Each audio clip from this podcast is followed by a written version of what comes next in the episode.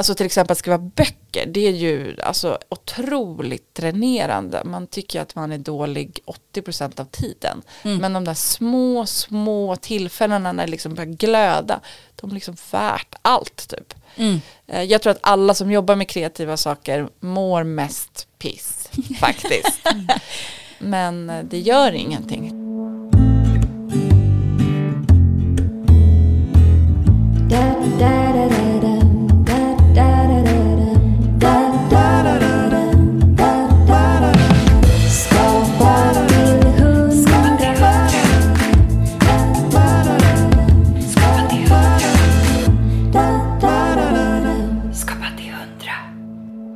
Idag träffar vi författaren och bloggaren Sandra Beijer.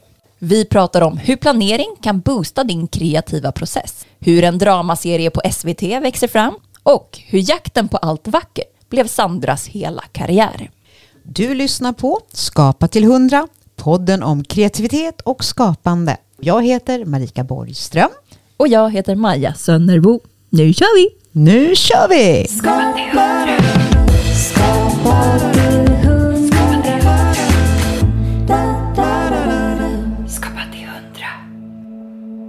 Stig in i stugan! Vad härligt att vi kunde få till det så snabbt. Ja, det är jättebra. Ja. Ehm, men um, jag sover fortfarande, jag har inte amma honom så att Jag fattar. jag köra igång. Ja, ja, Jag vet, absolut. Jag, vet. Ja, jag har tre pojkar så Ah, har varit där. Ja, men vi kör, vi är beredda. Ja, precis. För han, ja, han, han är väldigt liten va? Fem, fem Ja, månader fem eller? månader. Ja.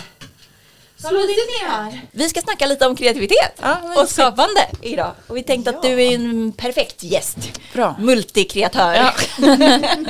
Så vi kör väl igång direkt helt men det enkelt. gör vi. Jag vill köra. Vad, vad hette hunden nu igen? Essie heter hon. Essie. Ja, Essie tassar omkring här i. Jag ska ha en corgi som heter Snöret i min plan.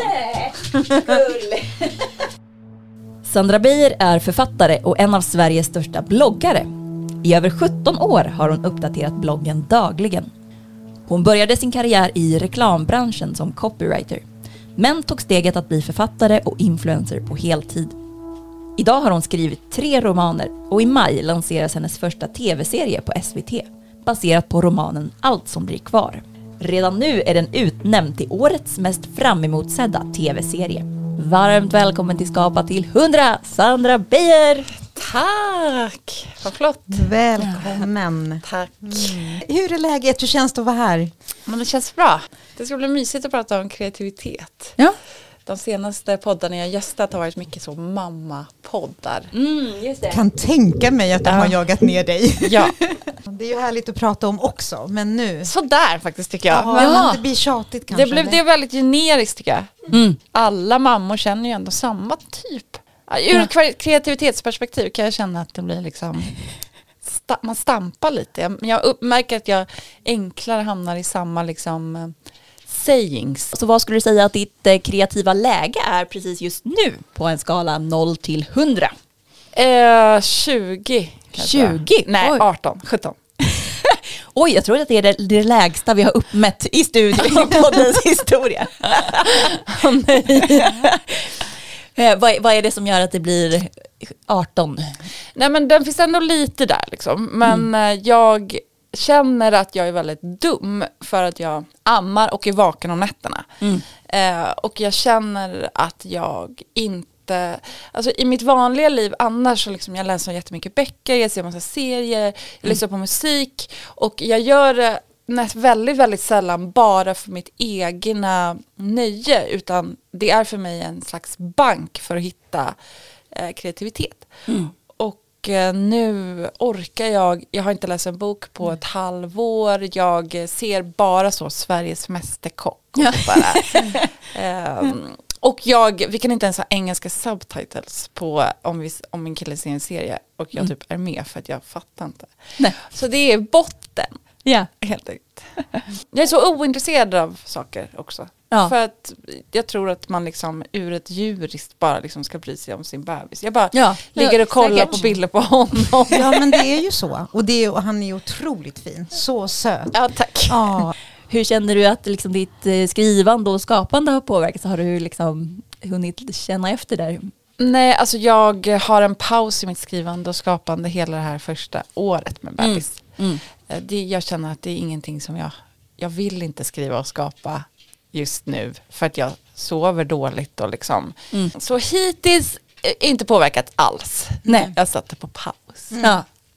Känner du dig lugn i det också, att du kan vila i det? Att du kan ge dig det här rummet, liksom, platsen, tiden? Ja, absolut. Jag är verkligen, in, jag har inte det där äh, duktig flicka-syndromet. Nej, Nej, vad vad skönt. härligt. Ja. Jag, vet att man måste liksom pausa och jag älskar att chilla. Ja. Ja, nej men det är så viktigt. Det, det, det skickar vi med. Det måste Ja. fler faktiskt eh, ta åt sig. Ja, ja. Alldeles för många som ska vara duktiga flickor. Ja, nej, det är mycket roligare att skolka och röka bakom skolgården. Ja, det är ju skönt. Man får ta med sig den inställningen genom livet. Skapa till hundra. Och det för väl oss in på din nya tv-serie. Ja, Superspännande. verkligen. Kan inte du berätta, hur, eh, berätta om serien och hur, hur var processen till att det, att det blev? Serien är då baserad på min andra roman som heter Allt som blir kvar. Och den handlar om en tjej som blir eh, dumpad mitt i sommaren och tror att hennes hjärta ska gå i tu. Och hennes eh, bästa kompis tar henne under sina vingar och säger att eh, ja, men vi kommer över honom ihop.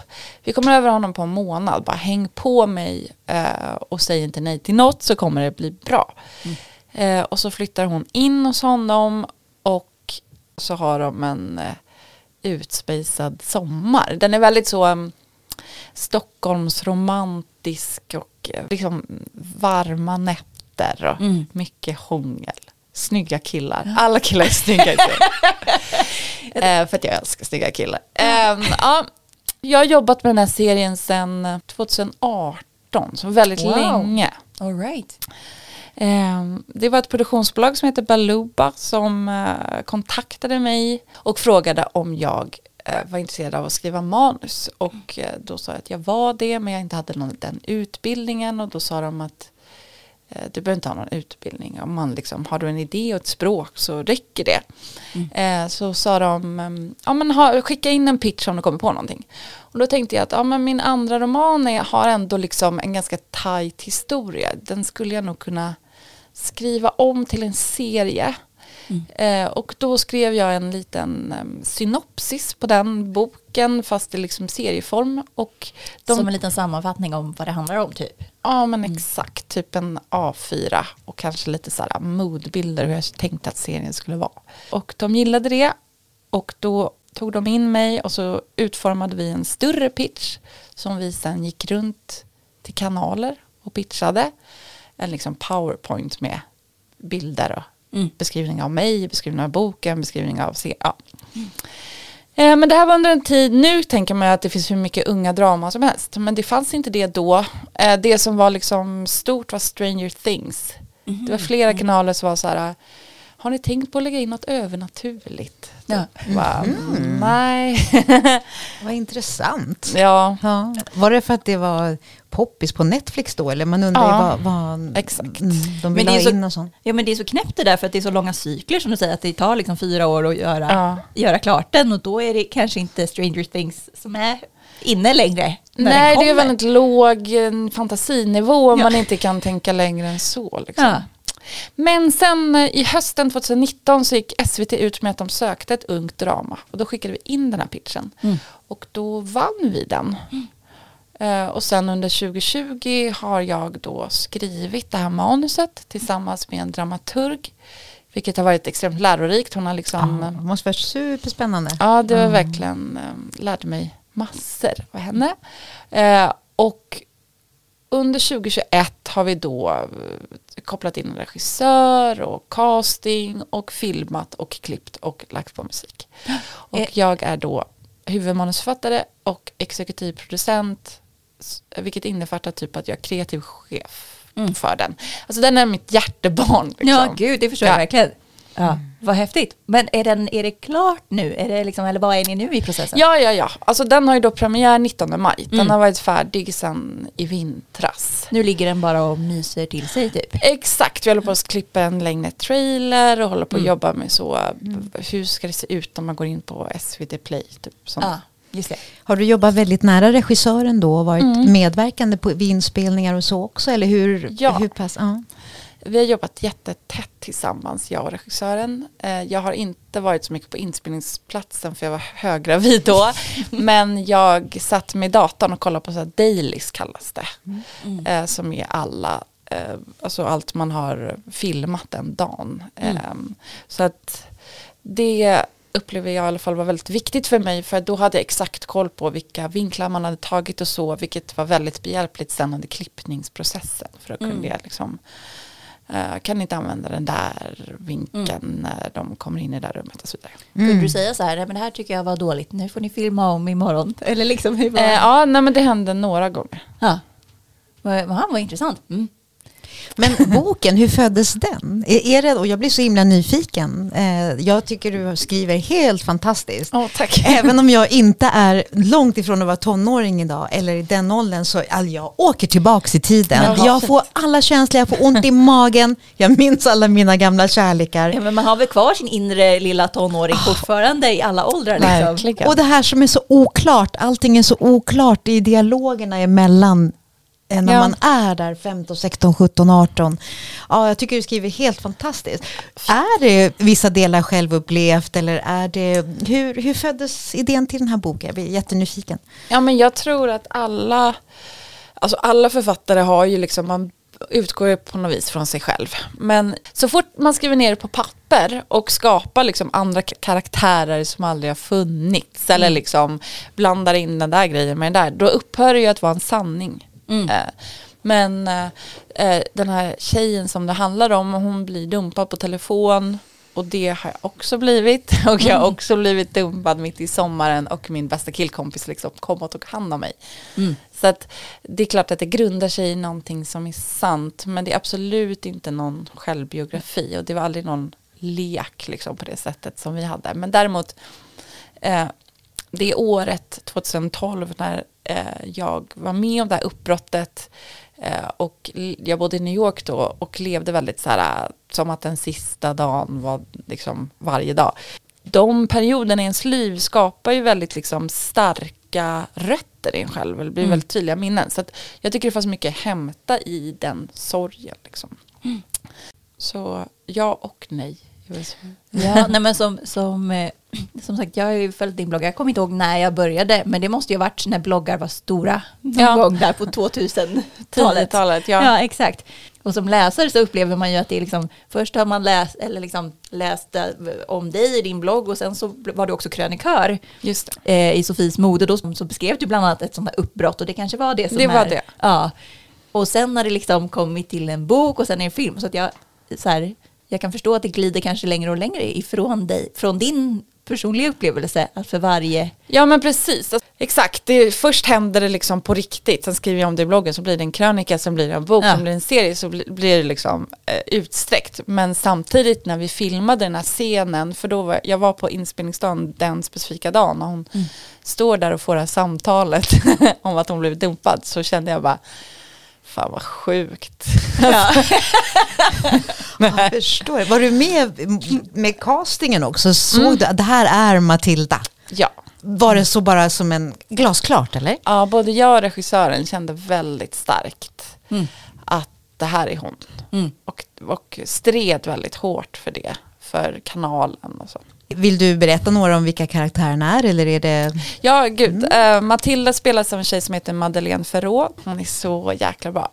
Och hennes bästa killkompis spelas av Oscar Sia. Eh, han är också helt otrolig i den rollen. Jag kände liksom när han skickade in sitt första cast, casting-tape, jag bara, det finns ingen annan, det är han. Jag förstår. Eh, Han spelar en ganska mörk person i den här och liksom har ett ganska stort register. Mm. Och, och den tredje karaktären eh, som heter Simon som är liksom han flyttar in hos dem och är väl typ deras leksak kan man säga. eh, han spelas av Erik Enge. Han är så duktig skådespelare som spelar huvudrollen i Tigrar som har Sveriges Oscarsbidrag. Så de tre är det och sen så spelas exet av Isak Kalmroth som kommer bli huvudrollen i den här nya Ondskan. Mhm. Han spelar Okej, nya. Just det. Och regissören är Fanny Ovesen som är underbar, smart. Härligt att ha ett eh, dream team runt sig. Ja, Ja, men det måste ju vara som du nämnde, för vi har en fråga här bland annat kring att, att hur det är att arbeta i ett kreativt team. Att det var Mm. som en, en ny, ett nytt sätt att arbeta för. Vad- Hur, hur upplevde du det? Ja, men man kan nästan säga att det var ett gammalt sätt att arbeta för mig som jag egentligen fick komma tillbaka till. För att jag eh, har jobbat i reklambranschen och där jobbar man ju i grupp. Och sen när jag slutade där för att jobba med mina egna grejer så var jag så otroligt färdig med att jobba i grupp. Eh, och så skrev jag tre böcker och liksom jobbade ensam i tio år. Ja. Eh, och sen när jag kom in i det här igen så var wow, man liksom delar den här världen med andra och jag tyckte det var otroligt kul. Och framförallt liksom vilken kvalitet det blir när man hela tiden kopplar på nya talanger. Alltså först skrivs ett manus, sen kommer en regissör, sen kommer en fotograf, sen kommer skådespelarna. Det är som att eh, serien levlar hela tiden för att det kommer in någon som är bra på sin specifika grej. Liksom. Mm. Vad häftigt. Ja, Var det någon gång i den processen du kände så här, åh, här är det? Eller liksom att det, för jag kan tänka mig att det blir en värld som liksom blir mer och mer tydlig liksom. Eh, I att, det, att man bygger den liksom steg för steg. Ja men det är ju alltså hela tiden men eh, det var roligt när så här, jag var inne och kollade på all scenografi Mm. och bara ja men här är, här är liksom alla ciggen i en hög liksom Ja. som ska rökas. Alltså det kändes det bara gud vad spännande Ja. att jag bara skrev det här och nu Mm. är alla de här cigaretterna här. Vi som ser dig framför oss, du ser nöjd ut. Ja, men alltså, hur? jag är taggad. Ah. Jag, eh, jag är livrädd också. Ah. Alltså det är, alltså, Ja. Det är fucking superläskigt. Eh, och det är, inte, det är inte världens bästa serie, men den är fin. Den är gullig. Ja, och du, du känner dig nöjd med det arbete ni har gjort. Det är det som är det viktigaste. Ja. Man, ja. Absolut. Hej! Joel här. Förutom att vara poddkompis i den här podden så driver jag även ljudbyrån Lejonbröder. Vi hjälper dig gärna med att producera ljudreklam till radio och podd. Dessutom sitter vi i Lejonbröders poddstudio just nu. Så funderar du eller ditt företag också på att starta en podd? Kontakta mig på joel.lejonbroder.se så hjälper vi till att både spela in, producera, klippa och skapa ett jingelpaket bestående av exklusiv musik. Det kan kosta både mer eller mindre beroende på hur du vill utforma podden, men där kan vi alltid anpassa oss. Eller så hjälper vi ditt företag att ta fram en bra radiospot. Vi har producerat nästan 4000 stycken. Här har du några av dem. Drick Coca-Cola. Panta. Drick fan. Arla Live är koselig. Är du på byggmax.se. 100 kronor till Röda Korsets förra. SF Anytime är tjänsten för dig. Då ska du handla hos Tradera. Spotify. Musik och poddar på samma ställe. Ja, det här var ju stora företag, men självklart har vi gjort enormt mycket reklam även för små och medelstora företag också. Och du, vi kan även göra ett gratis demoförslag på Radiospot. En radiospot kan vara mycket mer kreativ än så här, men det kan också räcka att bara ha en bra röst med en relevant bakgrundsmusik och ett tydligt och bra manus. Hör av dig på joel.lejonbroder.se. Nu fortsätter Skapa till 100. Hur var det att förvandla en, givet att det är din första tv-serie, hur var det att förvandla boken liksom till manus? Hur var den processen? Ehm, den var, ja men det var en tre månaders, tre månaders process som handlar väldigt mycket om att så här, kill your darling skulle jag säga. Alltså jag eh, tog ut karaktärerna från boken och skrev om historien. Eh, det, grundhistorien är densamma och karaktärerna finns där men det är liksom en helt ny plattform för dem eller vad man säger. Just det, och varför det? För att det inte funkade med den gamla? Ja, men eller? jag tänker att en bok är en bok. Alltså det, det är någonting helt annat. Alltså en, en tv-serie, det måste liksom eh, varje scen måste vara konceptuellt intressant och boken handlar mycket om hennes inre resa men, ja, men det exakt. kan man ju inte, jag ville under inga omständigheter ha en, eh, vad heter det, en sån här berättarröst. Mm. Eh, och då måste man ju skriva på ett annat sätt. Liksom. Dialogen hela tiden, vad som sägs Ja, exakt. emellan. och- Mm. Exakt. Och vad som inte sägs. Mm. Vad har varit svårast? Eh, Det svåraste har nog varit att så här, lämna ifrån sig till regissören och sånt där. Eh, Jag har känt mig väldigt liksom, det här är min bebis. Mm. Kan, får jag liksom, så det har varit liksom ett jobb för mig att, att, att inte fråga om jag får komma på läsningarna och Ja. sånt där. Utan få henne att liksom, för det är också mitt jobb som liksom exekutiv producent att ge henne utrymmet att använda sin kreativitet Mm. och skapa sin regissörsfärg. Och det, det har jag liksom fått kämpa med, att Mm. backa. Ja, men det förstår jag när det är liksom ens egen bok och ens egen historia som någon annan Ja. ska förvalta. Liksom. Ja. Ja, nej, men vi ser ju mycket fram emot serien. Ja. Skapa till hundra. På först, första boken, Mm. ehm, hur, eh, ja, när du tog steget från att sluta inom Mm. reklamvärlden, det är också ett ganska stort steg. Och ja. hur, vad, hur kom det sig och vad var det som gjorde att du bestämde dig?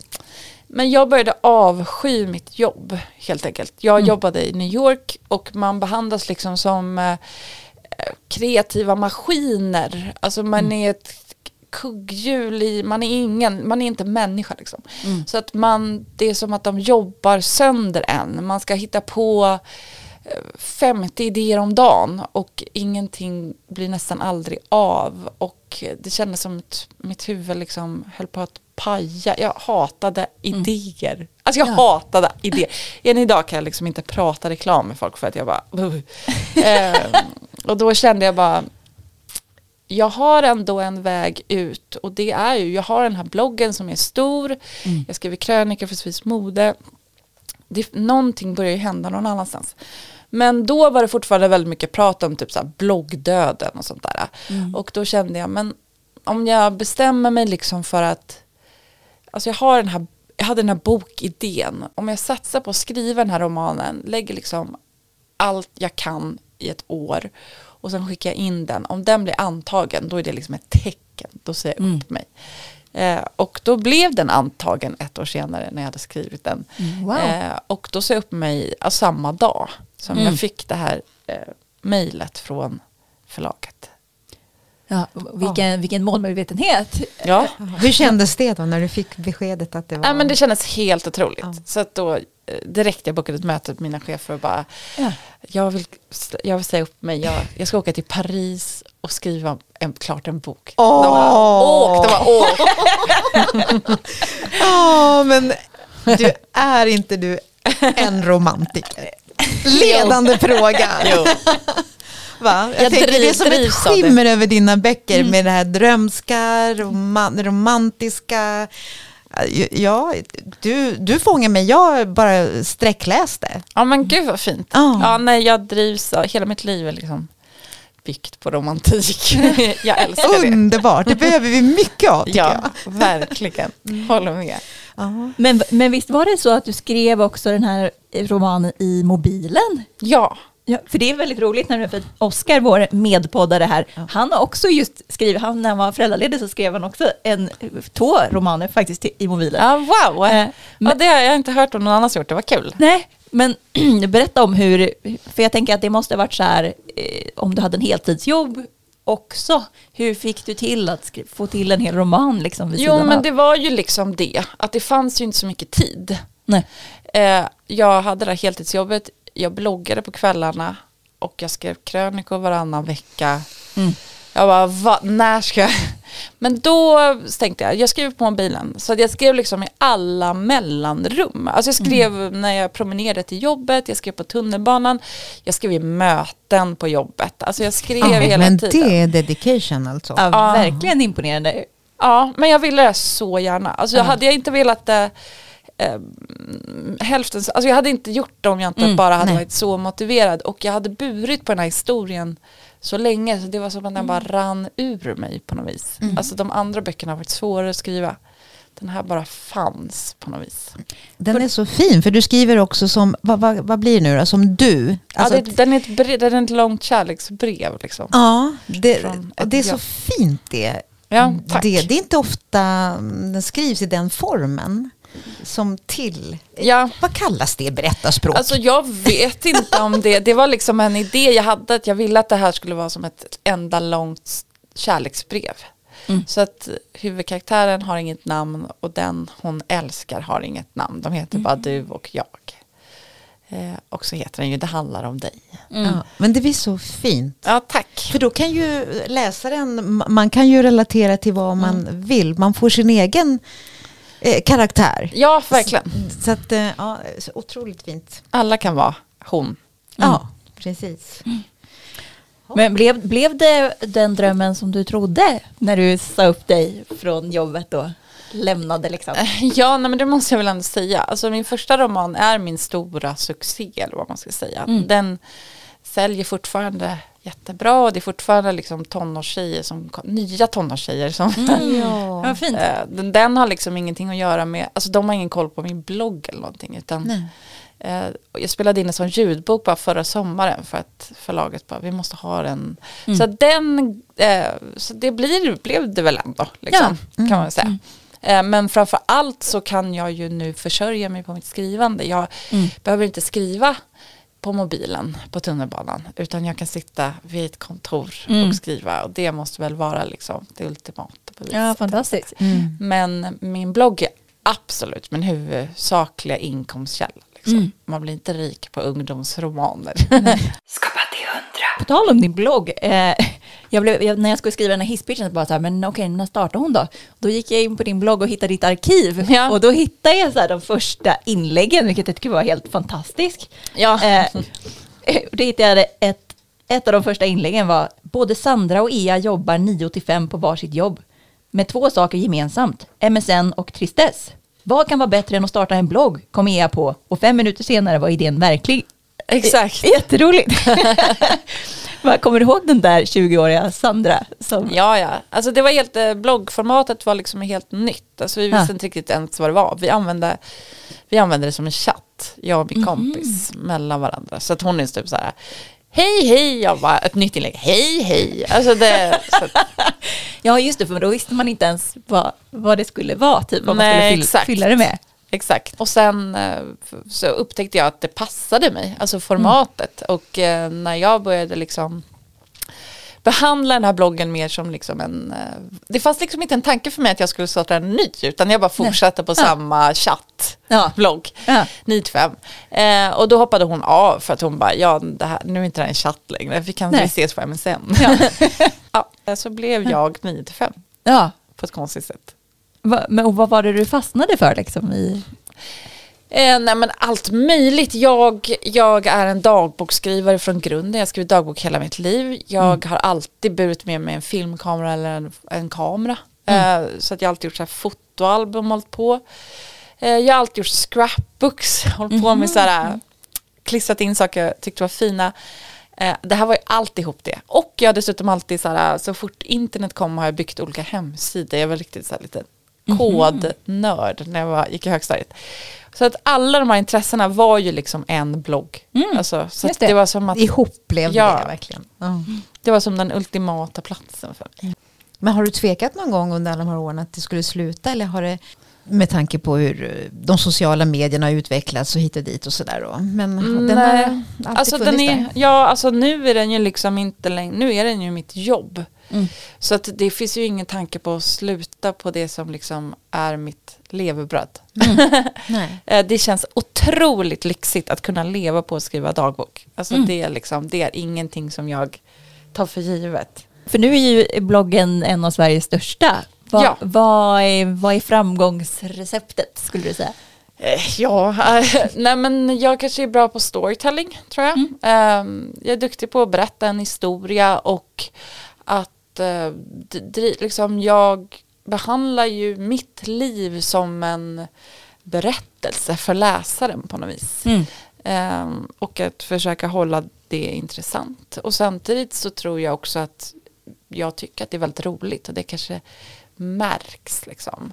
Eh, och sen tror jag också slutligen att det liksom är väldigt viktigt att, att se sina läsare, att svara på kommentarer, att uppfylla deras önskningar om vad jag ska skriva om och så vidare. Alltså, det, en blogg är väldigt den Interaktiv. Ja, Mm. exakt. Den lever av många människor och mitt kommentarsfält funkar ofta som ett forum där mina läsare pratar med varandra. Mm. Eh, så att lyfta dem tror jag också är viktigt. Tycker, tycker du att um, ditt, dina läsare har, har, har frågeställningarna förändrats eller önskningar över tid eller hur? Ja, alltså en blogg, alltså jag har ju bloggat så fruktansvärt länge och det är ju liksom, kommentaren är alltid en spegling av samtiden. Är det liksom mycket prat om miljön så kommer jag få frågor om det. Eller under valet frå- frågar man saker om det. Och det är ett hårdare klimat nu. Eh, nu måste jag ha eh, godkänna kommentarer innan det publiceras för att det är mycket liksom mer hatiskt internet än det kanske var för tio år sedan och så vidare. Så att man måste hela tiden liksom följa med strömningarna.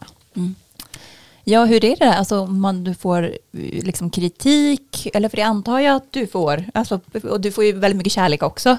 Men vad, hur påverkar det dig kreativt? Jag tror att man lär sig till slut att bara att det rinner av en. Mm. Alltså det man kan inte göra, det går liksom inte på något annat sätt. Alltså de är tokiga. Ja. Ja. Ja, men det är Det är skönt om de är så här tydligt galna. Så kan man... Ja, nej, men, det, ja, men att genom att inte godkänna dem så skapas inga svansar. Nej, just det. Så att jag tror att det är viktigt, alla som liksom har en blogg, nu är det inte så många kvar, men liksom, det är min plattform. Mm. Det, det, det är min plats. Folk har inte en rättighet att säga vad de vill där. Nej. Eh, och att vara liksom stadig och tydlig i det för mitt inre. Mm. Om de vill snacka skit om mig, då får de skapa sin egen plattform för det. Mm. Eh, jag måste kunna ha en plats mitt i mitt yrke liksom. Ja, precis. Ja, men det är ju hemma hos dig, fast Ja. på internet. Ja, Mm. exakt. Vad gör du om idéerna sinar? Gör de det ibland? Nej, de gör inte det för att eh, jag har bloggat så pass länge. Mm. Så att det är precis som att jag är, liksom, jag är en organiserad person. Alltså jag har redan, eh, alltså blir jag jättesjuk när, vi går här, när jag går härifrån så kommer det komma blogginlägg i fyra dagar framåt för de finns Mm. där redan. Eh, jag har olika format som jag kan använda när jag inte kommer på något. Och, så. och det, alltså, i och med att min blogg är mitt liv, det finns alltid något att berätta liksom. Just det, smart. Och bloggen, kan du se att det har varit som en skola för dig? Och i så fall på vilket sätt? Ja, jag tror inte jag hade varit samma person om jag, om jag hade bloggat. Och inte bara för att det har blivit mitt jobb utan för att jag liksom har lärt mig så mycket av mina läsare. Och att, att liksom ha en massa människor som säger att man är bra varje dag, det gör en väldigt modig. Eh, Jag tror att jag inte hade vågat lika mycket om inte jag hade liksom haft massa hejarop bakom mig. Ja, vad fint. Eh, och den har ju öppnat massa karriärer liksom. Mm. Bara genom att den har funnits där och att jag har haft det här forumet har gjort att folk har kontaktat mig Mm. som sen har liksom öppnat dörrar till andra platser. Eh, så att jag har den att tacka för allt. Frågetombolan. Där kan det komma vad som helst om eh, random frågor om kreativitet i vardagen. Redo. Vad är det mest romantiska du har hittat på på en dejt? Som jag har hittat på. Ja, Det är mannen som ska hitta på. Ja, ursäkta. nej, nej, nej. De. Jaha, okej. okej. Så, ja, är man romantiker då är, Är det det ju, så? ja då är det killen. Ja. Det är en väldigt stor fråga. Men det jag kom på spontant som jag tyckte var väldigt fint det var när jag och min kille hade, eh, in, vi hade varit ihop i kanske en månad. Och då åkte vi till Berlin för att eh, vi kom på att vi måste fira in nyår. Vi låtsas att det är nyår igen. Så då åkte vi till Berlin och så lekte vi att det var nyårsafton och då så stod vi på dansgolvet och då började han räkna ner till liksom nyårskyssen och det tyckte jag var så otroligt romantiskt. Ja. Och, ja, och sen sa jag att jag älskade honom och då sa han jag också älskar dig. Ja, det var fint. Ja, verkligen. Fint. Ja, moment. Hur viktigt är det att eh, saker i ditt hem är arrangerade på ett estetiskt tilltalande sätt? 100 procent. Alltså extremt viktigt. Eh, Jag, jag kan inte tänka om det är rörigt liksom. Jag städar konstant liksom. Hela tiden. Ja, nej, det man ser på bloggen är ju väldigt fint, men det, då undrar man ju liksom, men det är inte stökigt bakom där du inte Nej fotar. det är inte Nej. det för att min hjärna är så jäkla rörig så att jag måste ha det vackert och städat omkring mig. Nej, men jag blir lycklig av vackra saker. Det, det är hela mm, mitt livsdriv. Jag dras till vackra män, vackra platser, jag bor i Gamla stan. Jag, m- Min dag är förstörd om, jag, om håret är dåligt. Alltså jag, jag, det är, alltså, skönhet är liksom... Men det speglar dina bilder också. Ja. Det är, det är väldigt inspirerande och vackert. Ja. Vilken är din mest kreativa ursäkt när du vill slippa göra något? Jag vill inte. Alltså, Det behövs ingen ursäkt. nej. Då vet man. Ja, Du, du är inte någon som hymlar med saker. nej. nej. När är du som mest eh, kreativ? Eh, ja men det är nog när jag får vara på, på förmiddagarna och när jag har liksom eh, inte känner mig stressad och får vara på mitt kontor och lyssna på jättebra musik och bara liksom kreera. Jag upplever att eh, kreativitet föder kreativitet. Så att är jag liksom i en skrivande process då liksom eh, då känner jag mig som mest levande liksom. Då kommer jag på ännu fler idéer. Just det, om du är i ett bokprojekt eller någonting sånt. Ja men exakt. Jag upplever att det är nästan eh, roligast att liksom skriva på flera saker samtidigt för att man kommer på saker när man gör något annat. Ja men precis, de här alla så här, du, som du sa, du tittar på tv-serier och, och eh, läser böcker och så här, kommer de in liksom på något sätt? Eller är det mer så här i bakhuvudet som du sparar alla sådana referenser? Nej men det är en aktiva handlingen liksom. Alltså om jag ser en tv-serie och blir väldigt inspirerad av att de sitter i ett badkar och snackar. Då skriver jag in i liksom min anteckningsnappa, eh, kan det vara kul med en scen där de sitter i ett badkar och pratar? Alltså, men jag tror man kan plocka överallt. Eller vad, hur, om någon pratar om något på bussen eller ett roligt smeknamn. Eller, jag tror man alltid ska öronen öppna. Liksom. Just det. Men, och du, har, du skriver upp det också i, i en app, har du Ja, ja. idélistan med Ja, nej men jag har 51 olika anteckningar liksom Ja. i den här anteckningsappen Ja. i iPhone. Ja visst är den bra, det är som att det är bara go to direkt, skriva Ja. in. Och så är det sökbart också så att man hittar, man behöver inte organisera det så bra. Det är så skönt. När du är i ditt flow, som du beskrev, och så det ena påverkar det andra och så åker det, att det blir liksom Ja. en uppåtspiral. Så här. Har du utmaningar när du är inne i den? Finns det någonting som kan påverka det där eller då är det bara liksom Jo men det är väl alltid utmaningar att liksom hålla sig innanför linjerna på något vis. Jag tycker att jag jobbar ju själv eh, mestadels. Jag bloggar ensam, jag har skrivit mina böcker ensam. Nu har jag jobbat med den här tv-serien och då har det varit fler personer och det tycker jag har varit fantastiskt. Men att skriva själv är ju att hela tiden på något vis hålla i alla trådar och det kan vara svårt ibland att eh, hålla stenhårt koll på den dramaturgiska bågen. Så att jag tycker att för att kunna vara så kreativ som möjligt så behöver man ha gjort ett ganska tydligt förjobb som är ganska liksom ett strategiskt skelett eller liksom en tydlig plan. Eh, så att jag är väldigt ordningsam för att det liksom eh, ska led, så att jag ska kunna leda mig själv framåt. Men det då har du en trygghet i det och sen i det sen så finns det Exakt. Ja, då, men då vet du så här, du vet ändå vad du ska förhålla dig till. Och så Ja. blir det en trygghet i det. Ja. Mm. När det här med ensamhet eh, i rollen och i skapandet så, har du några i förtrolighet som du brukar checka av med eller checkar du med dig själv? När, när vet du att du ska gå vidare i nästa steg i den kreativa processen? Så att säga? Eh, nej men det har nog varit min förläggare som jag har bollat mycket med när det har varit mina böcker. Och annars så kör du bara. Bloggen antar jag att du kör på egen hand. Den ja, har den rullat, bara liksom. kör jag. Ja. Den bara lever. Ja, för den rullar ju också nu fast du har mamma-paus. Ja. Så den tuffar ju på. Exakt, jag har gått ner till ett inlägg om dagen. Eh, Ändå väldigt ambitiöst. Ja, det är ändå säga. mycket. Ja. Men det, det tar ju tid. Men ehm, min kille är föräldraledig och jag jobbar liksom. Så det, Mm. Och jag jobbar bara med bloggen. Så att, Och det gör att vi kan vara lediga tillsammans. Härligt. Eh, så att det är värt. Mm. Vad gör du när du kör fast? Eh, slutar tror jag. Alltså då måste man liksom lägga ner, ta en promenad, börja om från början, ta en paus. Eh, det lärde jag mig mycket. Alltså när jag kommer från reklambranschen och där sitter man ju bara idéer och idéer tills man liksom får ont i hjärnan. Och då vet man liksom att ibland tar det bara slut och då kan man inte krysta fram något utan då får man stänga sin dator och gå och göra någonting annat. Mm. Och då kanske idén kommer i duschen eller sådär. Så att jag använder mycket det också nu. Det finns, alltså kör man fast så, så gå hem. Ja. Inte pliktjobba liksom. Nej. Vad har du för kreativ diagnos? Officiell eller inofficiell? Eh, ja, men jag är nog väldigt eh, ordningsam. Liksom. Alltså organiserad skulle jag ändå kalla mig själv. Ja. Jag är liksom eh, min egen sekreterare på många sätt. Det låter ju extremt praktiskt. Ja, ja.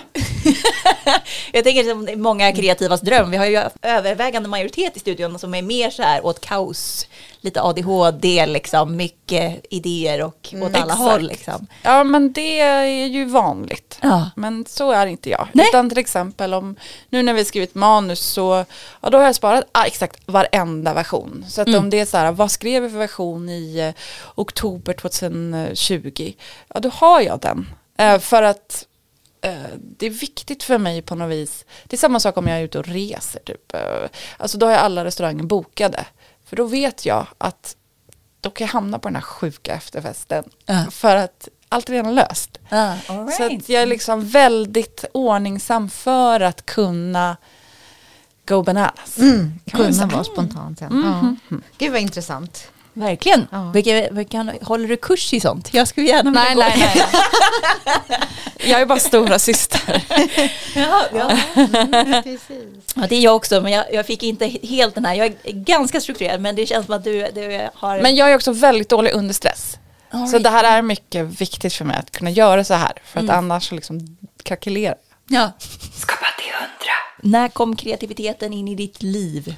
Ehm, den har nog alltid funnits där. Alltså jag tror bara, alltså ända sedan jag var en liten person har jag liksom varit ett barn med fantasi. Eller vad. Jag har alltid velat jobba med något kreativt. Det har aldrig funnits någonting annat för mig. Så.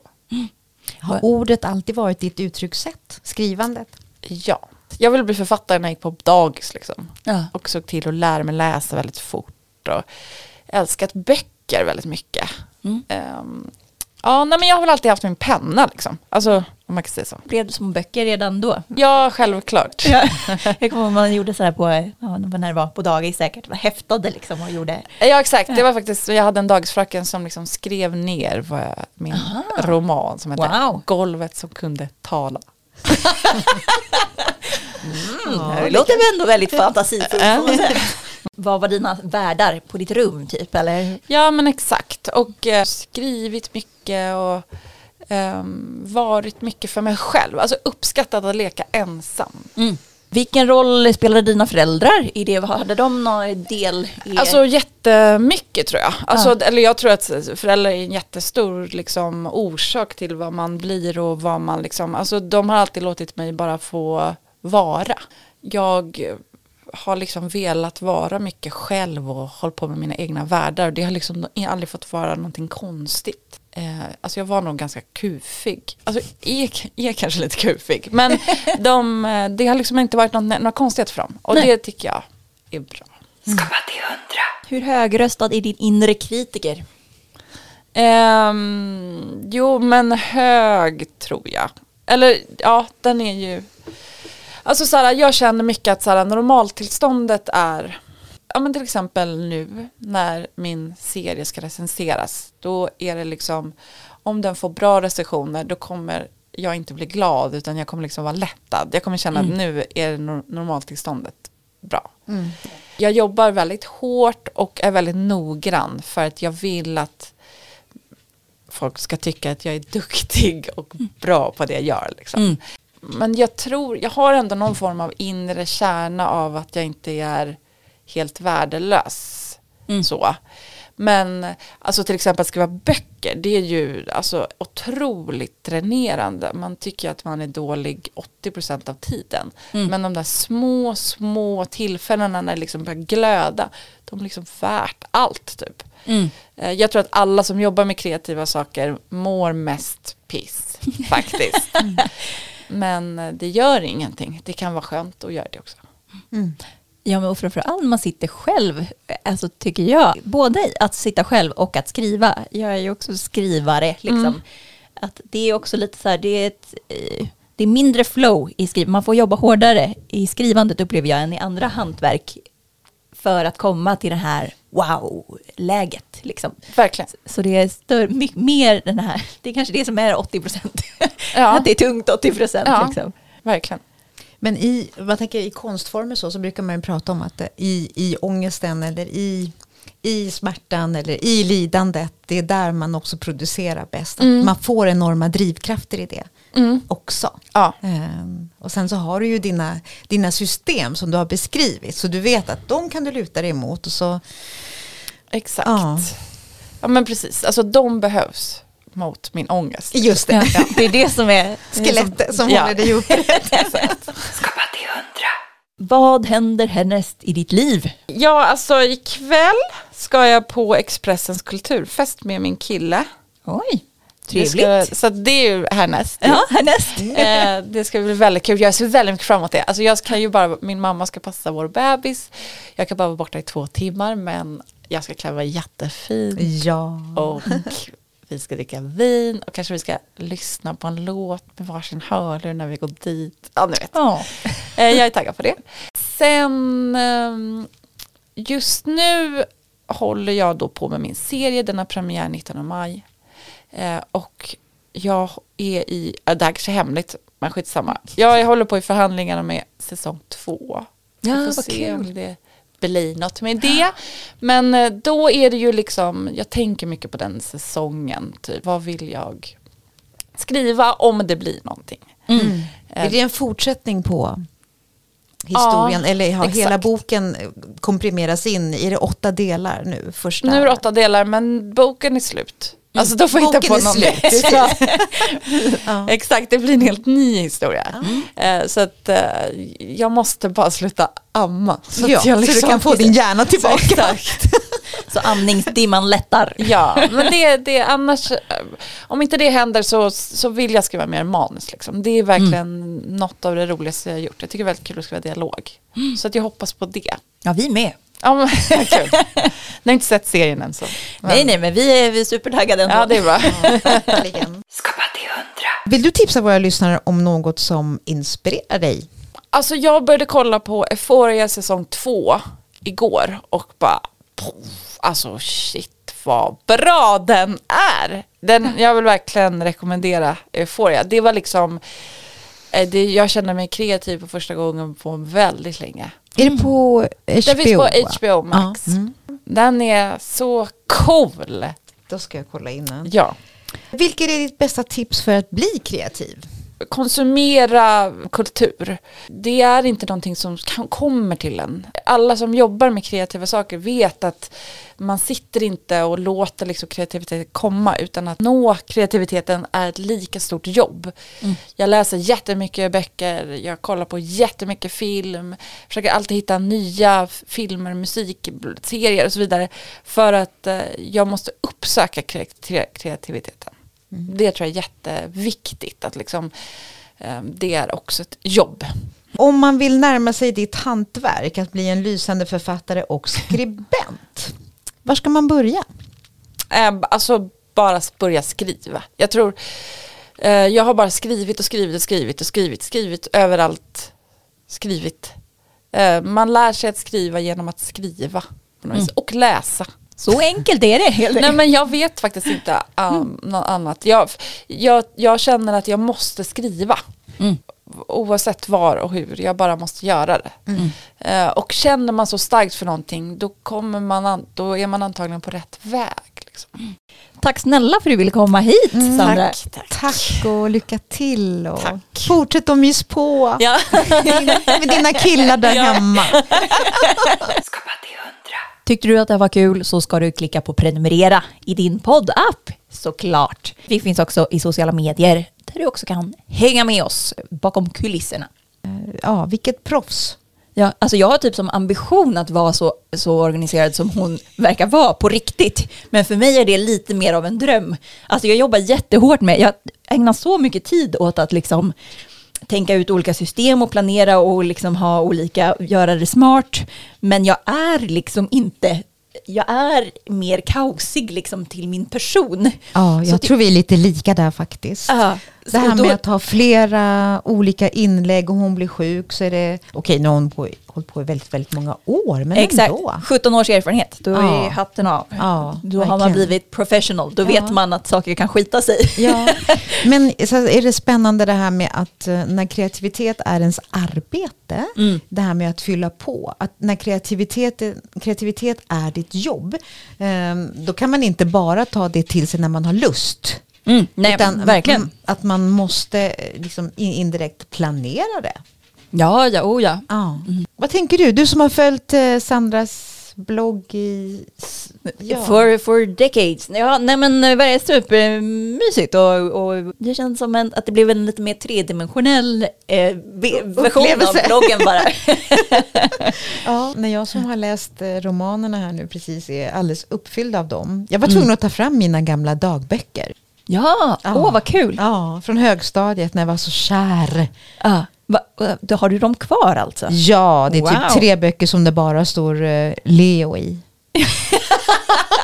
Exakt, visst hade man det för sig att man bara skrev så här eh, killens namn om och om igen. Om och om igen. Och Jag fick honom aldrig.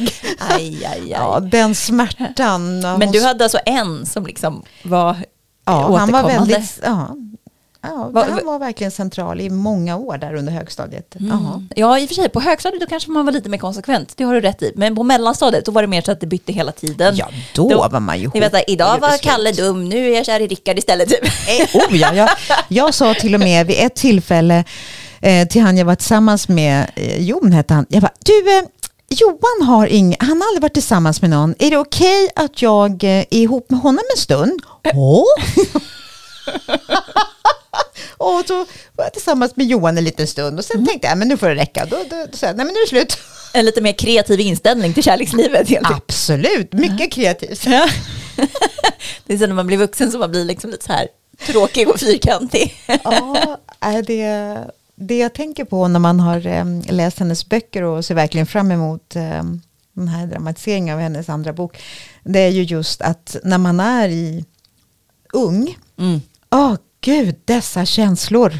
Mm, verkligen. Alltså det är sånt överslag på allt. Ja men verkligen och jag tycker det är hennes absoluta styrka liksom, som författare att kunna skildra det på ett otroligt pricksäkert sätt.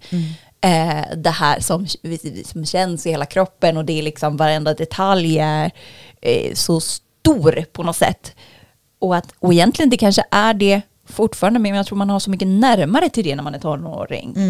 Att det, eller då, det, väl, och det, väl också, det var väl också svinjobbigt när man var i det. Men i, Så jobbigt. Ja. Ja. det är därför det är så jobbigt att vara tonåring. Ja. Därför att Ja, det är fruktansvärt. Så, Det- Ja, för, faktiskt fruktansvärt.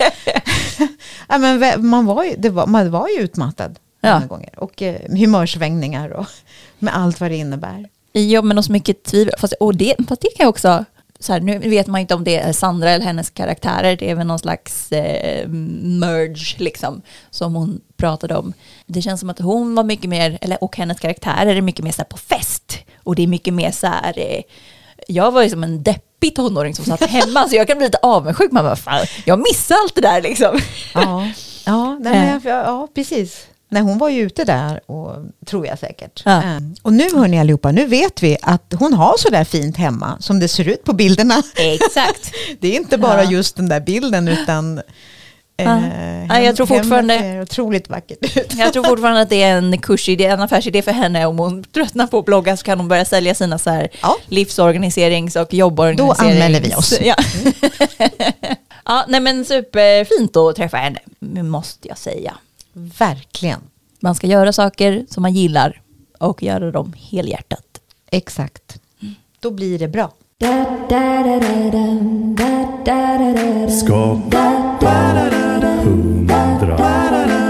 Skapa till hundra.